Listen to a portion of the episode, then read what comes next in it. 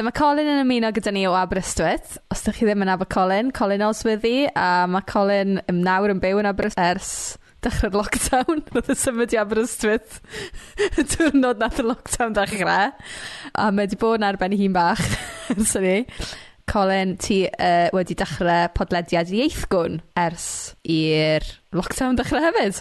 Uh, so ti wedi bod yn brysur iawn. A mae Colin yn ffrind anol iawn i ni, a dyn ni'n siarad gyda fe ar ryw ffurf bron bob dydd. Dan ni wedi fatha dau podlediad yn dod at ei gilydd hynna.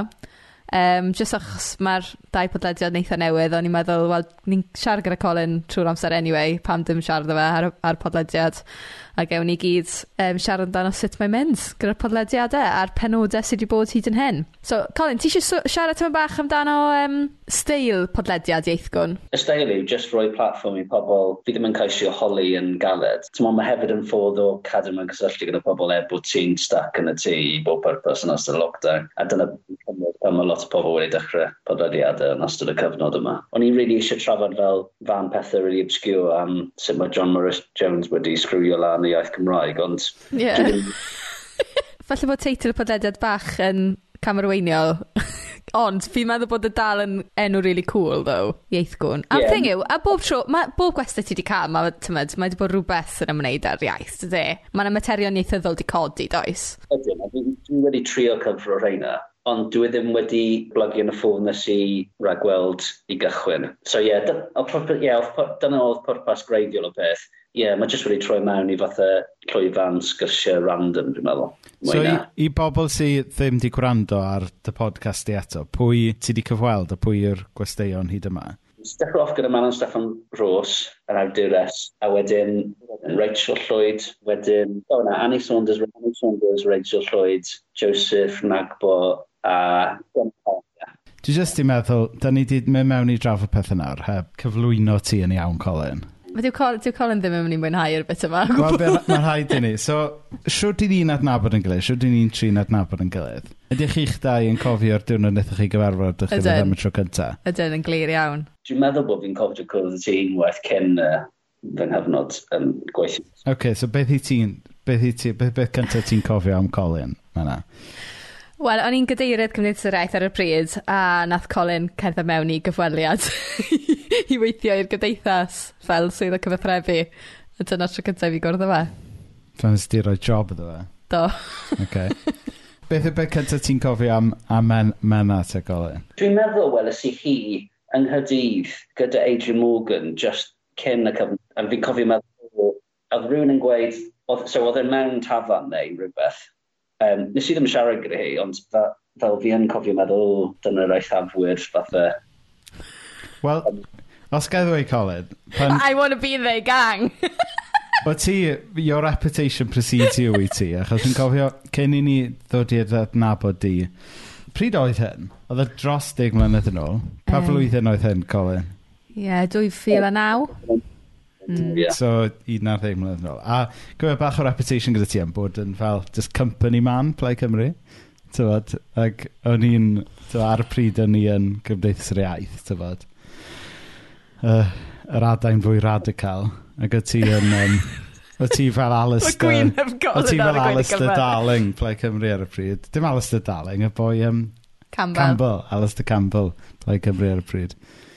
Uh, Dwi'n bell o fod yn yr un Alla ti ddim wedi gweud i mi ydi apleto Colin mwy na yna. Achos Cenedlaethol Cymru sydd yn gyrru fi mwy na dim byd, ac felly mi allid gweld y Plaid Cymru, mi allid gweld y Cymdeithas Iaith fel ffwrdd o Sianeli ar ymdrechion hynny. Hmm. Bydd y rhai yna. Sure. No, no, mae hwnna'n hwnna ddiddorol, ti'n deud hynna, um, ond ti'n dod o ardal, tybod, ti ddim yn dod o Gynarfon, a na Aberystwyth. Ardal Caredig ddim. Sari yn pwysicach na Gynarfon, mae'n siwr. Ie, mae Llandrindod, dwi ddim yn lle Cymreigaidd iawn na di, ond um, mae yna digwyddiad hanesyddol o bwys i Gymru wedi digwydd yn Llandrindod. Ti'n modd ffurfioed. Ti'n hollol iawn. So, er eng, er eng, er yn Llandrindod oedd cynadleddau blynyddol um, gweinidogion bydyddwyr Cymru am flynyddoedd, er enghraifft. Ddim bod y beth oedd yn dod yn meddwl yn syth Sorry, Colin. O ti'n dweud? Cyrra ymlaen. A ffigio dod ymgyrch Senedd i Gymru yn Llandrin dod yn 1951, dwi'n meddwl. Um, maen nhw'n penodi a chesgob Cymru, dwi'n gwybod bod hynny'n ddim quite mor bwysig a anghyd am ffurfiaeth, ond tymod, mae pethau o bwys, o bwys hanesyddol wedi digwydd fyna. Ond na, dwi ddim, dwi'n deall beth ti'n gweud, dwi ddim yn dod o teulu sy'n siarad Cymraeg a mae ma rhieni fi yn Saeson, felly ie, yeah, dwi ddim yn dod o um, cefndir traddodiadol hanes, hanes Gymreigaeth na. Er bod ti wedi cael da enni a dyfagu yng Nghymru, mae rhaid bod ti wedi cael rhyw fath o... So, dwi'n eisiau defnyddio'r ger trw, trwadigaeth, um, ond bod ti wedi cael rhyw fath o deffroad cenedlaethol le ysdi ati ddysgu Cymraeg a... So, be, beth yw'r hanes yna? Mae'n anodd ysbonio, achos dwi'n dwi meddwl mae yna rhyw ddeoliaeth hunaniaeth i bobl falle sy'n byw ar y, ar y ffin. Dwi'n cofio cael trefferthion gyda hunaniaeth fi yn ystod y 80au, 90au. O'n i'n wastad, fel ar lefel symud, o'n i'n wastad yn cefnogi Cymru yn y rygbi, yeah. um, ac yn cael y fflac gan olodau fy nheulu am hynny. Ac oedd Cymru yn drychynebus o sal trwy'r adeg. So dwi'n gwybod pam o'n i'n neud. Felly, oedd yna rhyw elfen o Gymraeg dod ar y pryd ond, tymod, o'n i'n cefnog o brwd, fel o'n i'n gwleidyddol iawn o oedranaethau ifanc, o'n i'n, ac mae hyn yn upsetio lot o bobl, o'n i'n o'n i'n upset iawn pan gollodd Neil Kinnock yn 92 ac o'n i'n falch iawn pan enillodd ble yn 97. So es i'n fatha llafuroedd, ond wedyn pan nes i brifysgol a pan nath llafur ennill grym, nes i dechrau ail ystyried y pethau hynny etholiad trywydd. Ie, yeah, mae hynny'n bach o peth od i ddweud, ond dwi'n gweld fatha, oedd gwleidyddiaeth fi wedi shifto o fatha, fatha cenedlaethol o'r Cymreig llafur yn y 90au, yn y 90au cynnar canol i fatha cenedlaethol o'r Cymreig yn 90 o hwyr falle. Ond mynd tu allan i Gymru i brifysgol oedd y hyn nath cael effaith arna i, fi'n meddwl. Mae'n ddiddorol. Wel, gan bod ni'n hefyd y podlediad ni seia sy'n trafod ffydd. So, te mae ffydd yn ochr arall y dy fywyd e, di. Ydy, baint mae dy ffydd di'n gyrru, dy yrru di neu dy symbolu di fel person, fel ymgyrchydd hyd yn oed? Mae fe yna, beth sy'n dod yn y, yn y podlediad dwi'n bod yn gwneud, mae wedi dod yn fwy amlwg nac o'n i'n meddwl bydde fe. Dwi yn teimlo ysbryd glan lot, lot tymod, yn y bywyd i, i fi, a fi yn galw am cefnogaeth yn oetha am, tymod, neu'n gofyn am cefnogaeth yn atha aml, drwy'r gwir. Dwi ddim yn ystyried fy hun fel ef efengylwr.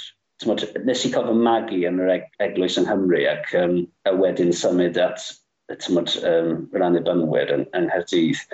Uh, a fi'n sicr ddim yn um, eglwyswr dim mwy, ond yn ystod fy mywyd fi wedi mynd lan a lawr yn ystod tymod, ffydd a cwestiwn i fe. Mae'n amlwg yn rhan pwysig o fy mywyd, dwi'n meddwl. Yeah. Mm -hmm. Mm -hmm. O, o ti'n dweud bod ti wedi dysgu rhai pethau ers dechrau'r podlediad? Hoffwn i godi rhai pethau gyda ti hefyd, ond beth, beth yw'r pethau ti wedi dysgu ers dechrau ieithgwn? Mae cwestiwn hyn aniaeth mewn wedi dod lan aeth y lot, dwi'n meddwl. O'n i'n meddwl oedd uh, Holly Joseph a Gwennon Hyam yn, yn rhaid difyr, yn ymwedig Joseph o ran herio faint ni'n ffocysu ar fel Ewrop a pa mor fath pa mor bwysig yw e gweld o perspektif Africa, peth, tymod, a gwledydd eraill, perspektif rhyngwladol mae'n bwysig. Ac dwi'n meddwl un o'r peth oedd e'n, wedi wedi taro fi am hyn oedd e'n gweud oedd cwestiwn mae cwestiwn dwi'n meddwl bod ni ddim yn trafod digon yng Nghymru yw fel ystyr annibyniaeth a gwir ystyr annibyniaeth a beth yw gwahaniaeth rhwng rhyddid ac annibyniaeth. Do, ni wedi bod yn annibynnol ers 1960, ond dyn ni ddim yn wlad brif. Dwi'n meddwl bod angen i bobl yng Nghymru gwrando. Dwi, dwi ddim yn gyfystyr ar ryddid na di, ac mae rhywun, mae rhywun yn gallu anghof, anghofio hynny. Mae'n jyst yn llwybr teg at ryddid lawn ac uh, mae dylanwad Ffrainc ar ar fod yr Afri yn amlwg yn ofnadwy, tymod. Sut bydde ti'n disgrifio'r gwahaniaeth te i rhywun sy'n meddwl be? O'n i'n meddwl bod annibyniaeth a rhyddid yn golygu'r un peth. Sut bydde ti'n disgrifio y gwahaniaeth rhwng y ddau? Wel, ti'n meddwl oedd Joseph, falle mae'n well sôn am beth oedd Joseph yn gweud, oedd e'n gweud bod gan pobl y ryddid i benderfynu, y ryddid i wneud penderfyniadau, ac beth oedd e'n gweud yw, dyn ni ddim wir yn rhydd yn alfod yr oifri dewis llywodraeth ni, oherwydd grym, un o dyleithiau Ffrainc Dwi'n meddwl bod rhywun yn gallu gweud fel bod grynmwydd cyfaladdol a grynmwydd milyrol yn gallu tanseilio annibyniaeth gledydd. Ac oedd y pwynt yna yn really bwerus. Gael jump in mewn fyna, oedd yn ddorol beth o ti'n dweud gyna ynglyn â yr gwahaniaeth rhwng annibyniaeth a rhyddid, ti'n gwybod? Mae'n neu fi feddwl am, yn y Beibl, mae hanes Exodus, tybo, lle mae er pobl ddiw yn gaethweision yn yr aifft. A wedyn mae fel Moses yn arwain nhw i ryddid. Ond wedyn, mae holl stori sort of, rhan fwy Exodus yw sut mae pobl ddiw yn dechnegol yn rhydd, ond dydyn nhw ddim yn byw fel tasyn nhw'n rhydd. So mae yn sort of, mae Dyw yn neud iddyn nhw ddeall bod gwirryddid ddim yn rhywbeth fel technegol a cyfreithiol, ond bod gwirryddid mwy i wneud a sort of state of mind a, a fatha pwy Ie, a calonau nhw a, ac identity newydd nhw. So, so oedden nhw fel, er bod nhw wedi ennill rhyddid o'r aifft, oedden nhw just yn trin i gilydd yn yr un ffordd a oedd yr eiffdwyr yn trin nhw, ti'n gwybod, a um, ag Ac er, er, er oedden nhw nawr yn rhydd i addoli Dyw, oedden nhw'n setlo ar addoli pethau bydol yn lle, ti'n gwybod. So, so mae'r stori yna, fi'n fi credu, yn, um, jyst yn gwers fwy cyff... Do, hynny, mae yna wers penodol fyna ynglyn â perthynas pobl efo Dyw, ond mae e'n wers fwy cyffredinol hefyd ynglyn â bod rhyddid yn fwy na jyst rhywbeth technegol a cyfreithiol a gwleidyddol bod e'n i wneud â fel ffordd ti'n meddwl hefyd.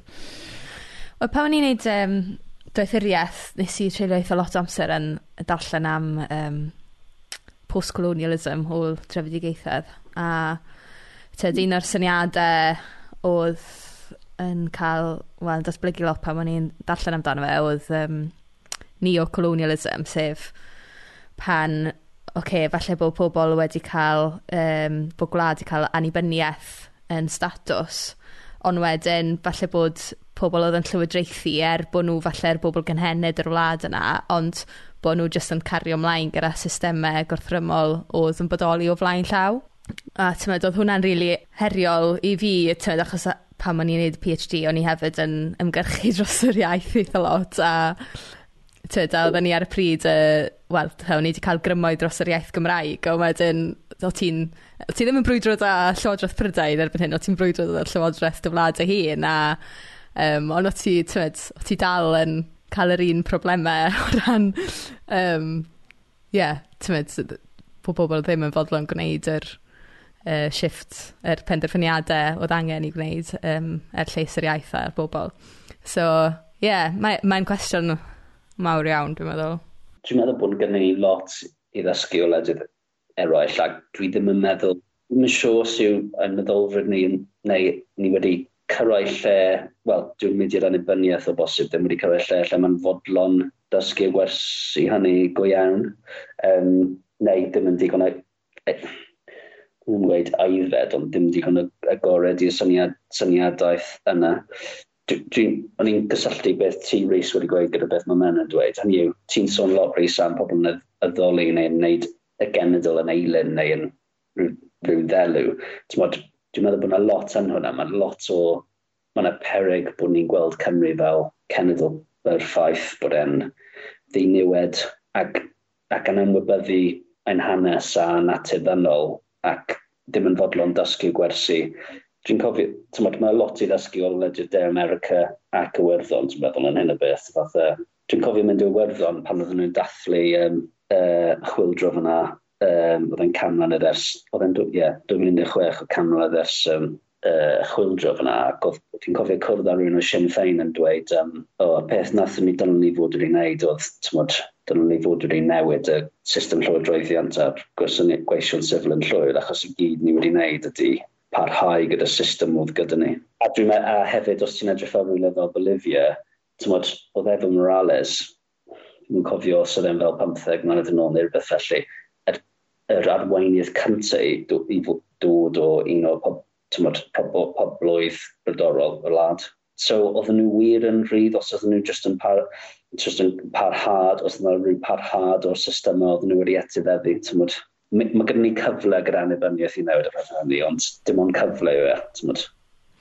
A ni wedi cael yn bwyd o myth i ni, achos bod ni wedi derbyn gorthrwm, a ti'n mae'r ond wedyn mae yna myth yn bodoli fel, o, ti'n ni yw'r bobl di niwed, a ti'n ni ddim wedi cael y cyfle i fatha rheoli'n hunain, a, ond ti'n meddwl, ie, yeah, fel ti'n gweud, mae angen gofyn y cwestiynau iawn, a really mynd o dan beth, well, beth sydd o dan y, y myth na ni wedi credu am ni'n hunain fel cenedl.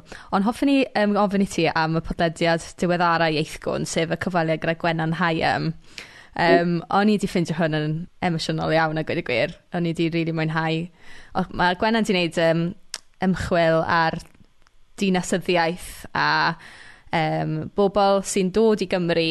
Um, rhan, ymchwilu rhan fwy yn ymwneud gyda ceiswyr lloches a ffoaduriaid, ie? A wedyn, timod, um, beth sy'n digwydd iddyn nhw yng Nghymru a, well, basically, mae'r ma Llywodraeth Cymru eisiau nhw i ddysgu Saesneg a dyn nhw ddim yn cael cyfle i ddysgu Cymraeg. A mae ymchwil hi'n sôn amdano a gweddau mae hi wedi dod ar draws um, am, yn y gwasanaeth sifil am hynna, am y polisi yna, oedd yn reit shocking.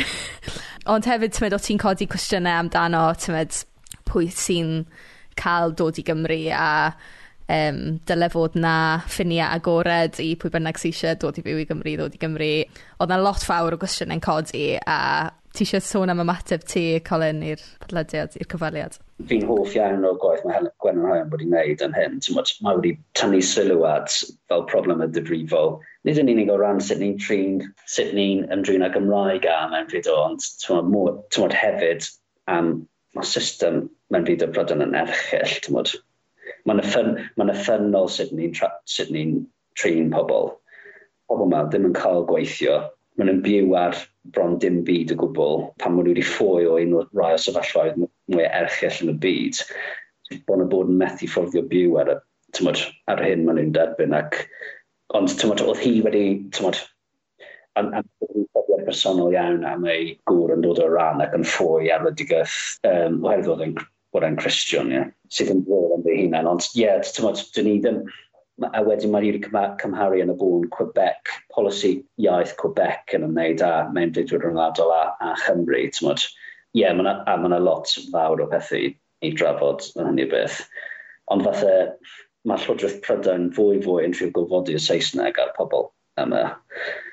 Mae ma, Saesneg yn dod yn fathau um, yn dod yn y gynyddol bwysig iddyn nhw fel ffordd o mynnu unffurfiaeth. Mae'n codi cwestiynau arf integreiddio ond fathau mae pob un llywodraeth, yn y llyfr mae'n esbonio bod, bod pob un, bod llaw iawn o lywodraethau wedi symud i ffwrdd o syniad o aml ddiwylliannedd i y syniad o rhwng ddiwylliannedd neu integreiddio pobl, sef gweud dwi'n gwybod mabwysiad, mabwysiadu ond diwylliant ni rhyw raddau um, er mwyn gallu dod yma. A dwi'n teimlo'n hynod angyfodus gyda, wel, mae'n, fel fi'n gweud, mae'r angen o ail feddwl yn llwyr. Dwi'n pryderu am, tymod, bod neb yn dadle dros dyddymu ffiniau mewn fideo. Does neb yn dadle dros hynny. Mae yna dadle yn economaidd hynod, hynod gri dros dyddymu ffiniau mewn fideo hefyd, ond fi jyst yn meddwl, mae'n anodd i fi dygymod gyda syniad bod ti'n neud rhywun y freithlon just achos lle, lle yma. Lle mm. yma. Fi'n cytuno, Corin. Hwna'n ddiddorol. Hwna'n hwnna safbwynt eitha um, unigryw. Ti'n mynd dod o dros lot o bobl ti'n dadlau. Dwi'n e ddim yn mainstream, ydw i? Na. Um, achos, to, dwi ddim di... Tyba, dwi'n di mele trwyddo o gwbl, achos dwi'n... Does neb roi di codi fe. Mm. Ond tyba, fel Cymru, ti'n gwybod, os ti'n gofyn i rywun beth sydd yn neud ni'n Gymru, ti'n gwybod, um, yn hanesyddol, um, so ti'n cael dau ateb. so ti'n ti cael yr iaith Gymraeg a a crefydd. Tibod, dyna... Yn hanesyddol, fi'n gwybod bod e ddim gymaint felly nawr, ond yn hanesyddol, dyna fyse'r... A, a fase pobl ddim yn dweud tir, ti'n gwybod, neu tiriogaeth, um, rhywbeth lot fwy diweddar yw diffinio Cymreictod fel, fel rhywbeth tiriogaethol, ti'n gwybod? A dyna pam oedd dim quams gan y Cymru o fynd i wladoli yn Patagonia. Achos, tybo, nhw'n cario iaith eu crefydd gyda nhw, le bynnag o'n nhw'n mynd. Le bynnag oedd nhw, oedd Cymru, ti'n gwybod? Tybo, mae yna draddodiad deallusol ar, ar eraill sydd yn diffinio cenhedloedd a pobloedd yn ôl tir Ond o'r, um, o'r, or traddodiad Cymreig Cresnogol angydffurfiol, tybod, dwi'n tynnu fy ysbrydoliaeth oddi wrtho.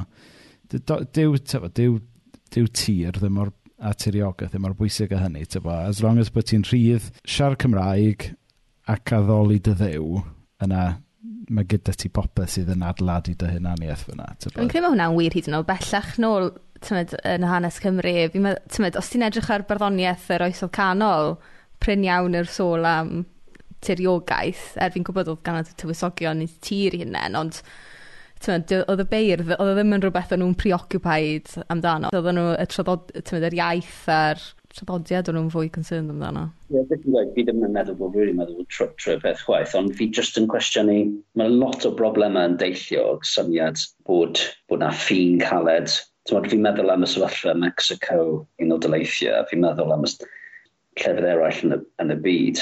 Ac beth maen nhw yn y bôn yn dweud yw bod pobl yn Mexico sy'n ceisio, do, ceisio mynd i un o daleithiau yn maen nhw'n anghyfreithlon. Ac yn y bôn mae fe'n ffurf arall o rhagfan neu hiliaeth dyfrifol. Maen nhw'n defnyddio'r system mewn byd o fel ffodd o rhagfanu yn erbyn pobl. Mae'n ma rili really pyderi fi bod, bod, y gled, tymod, bod gen ti Trump yn ystyried yn ffasgydd yn beth mae fe, y pobl mae fe'n beio am pob dim yw mewn fydwyr o, o Fexico.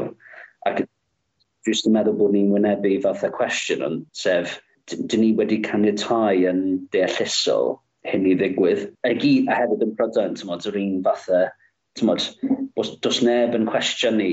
Mae ma gyd am faint ni'n rheoli ffil, pwy sydd yn gletach ar rheoli y ffin neu rheoli mewn fudo. Does neb really yn gweud, wel, beth yw rhenwedd cael ffin mewn fudo?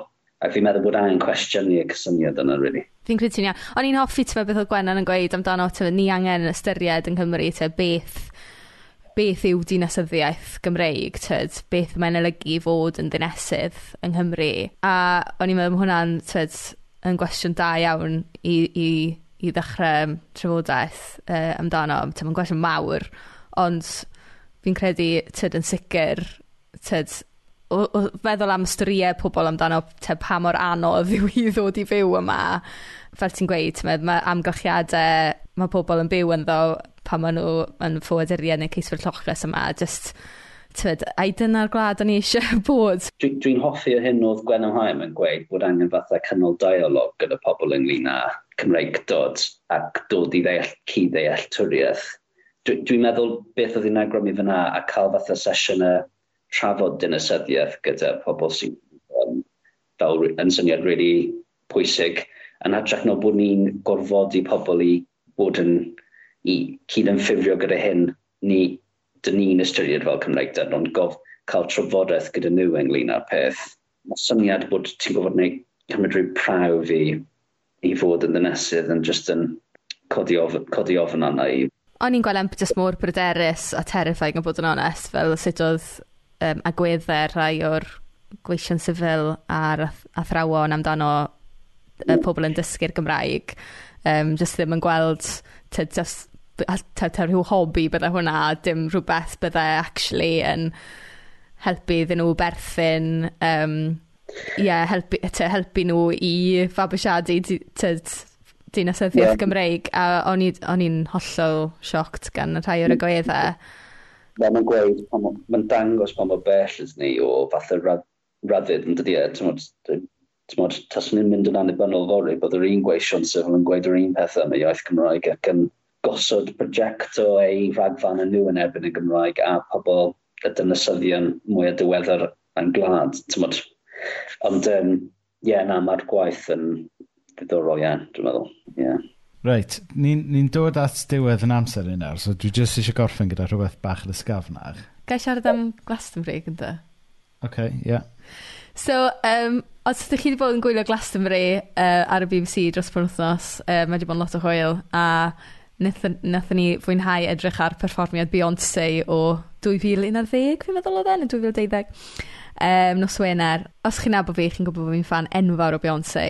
Um, a o'n i a Colin ar wyliau un tro gyda dau ffrind arall mm. uh, yng Nghyba. A Colin di ymuno gyda ni'n Cwba. Um, a y diwrnod oedd Colin yn gadael, Oedd e ar, uh, yn hedfan ôl yr er wahanol amser i ni.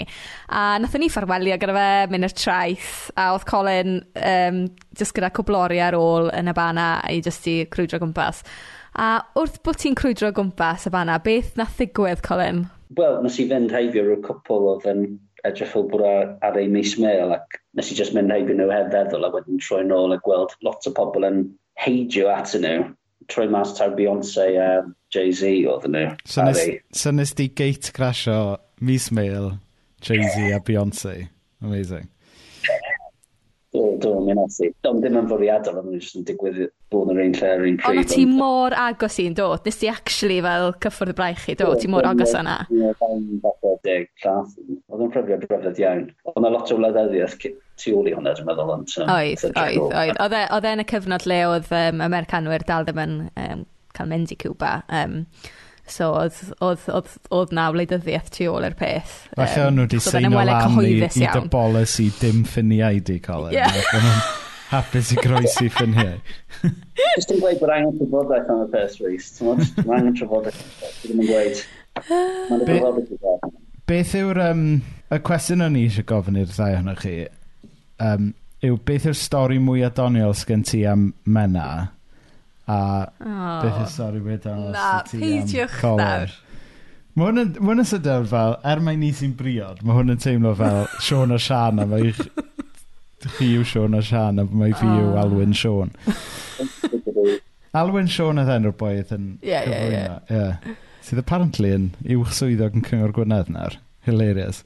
Na, na tip yn y career change. Um, no, mae'n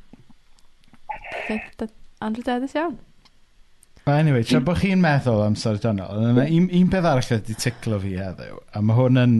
Mae'n eitha serious go iawn, ond mae fe dal di ticlo fi, ond penawd um, y Daily Post heddiw, Donald Trump intervenes in Anglesey nuclear plant talks. so, so ni jyst eisiau dychmygu fatha sut fydda'r sgwrs yna'n mynd, tywed, fel... Well, so mae fel uh, ffôn yn canu yn pencadlus cyngor môr. Ia. a, a, a mae fel Donald Trump ar y ffôn. Tywod fel... It's the Donald. Ta. Hi, it's the Donald. Is, is Bob Parry still working there? yeah, mae angen policy. Love the salt. Love the salt. yeah. Yeah, yeah, love the salt, guys. So diolch i Colin am fod yn westau gyda ni heno. Gwrandwch ar ieithgwn. So, lle mae pobl yn gallu gwrando ar ieithgwn, Col? Gallwn ni chwilio ar Twitter, Facebook Instagram am ieithgwn yeah. Sound, SoundCloud a YouTube. So diolch i bawb am uh, wylio a gwrando heno. Um, Newn ni olygu fe erbyn bod ar yeah, dwi'n meddwl, bydd y benod yma'n cael ei olygu lot mwy na pob benod arall. Yn wedi beth sgolen na, joc. na, a fres reswm. Ie, ti'n meddwl, dwi'n siarad gonfod. Iawn, oce. Okay. Diolch, Colin. Hwyl, ffrindiau. Tara. Tara. Tan wythnos nesaf.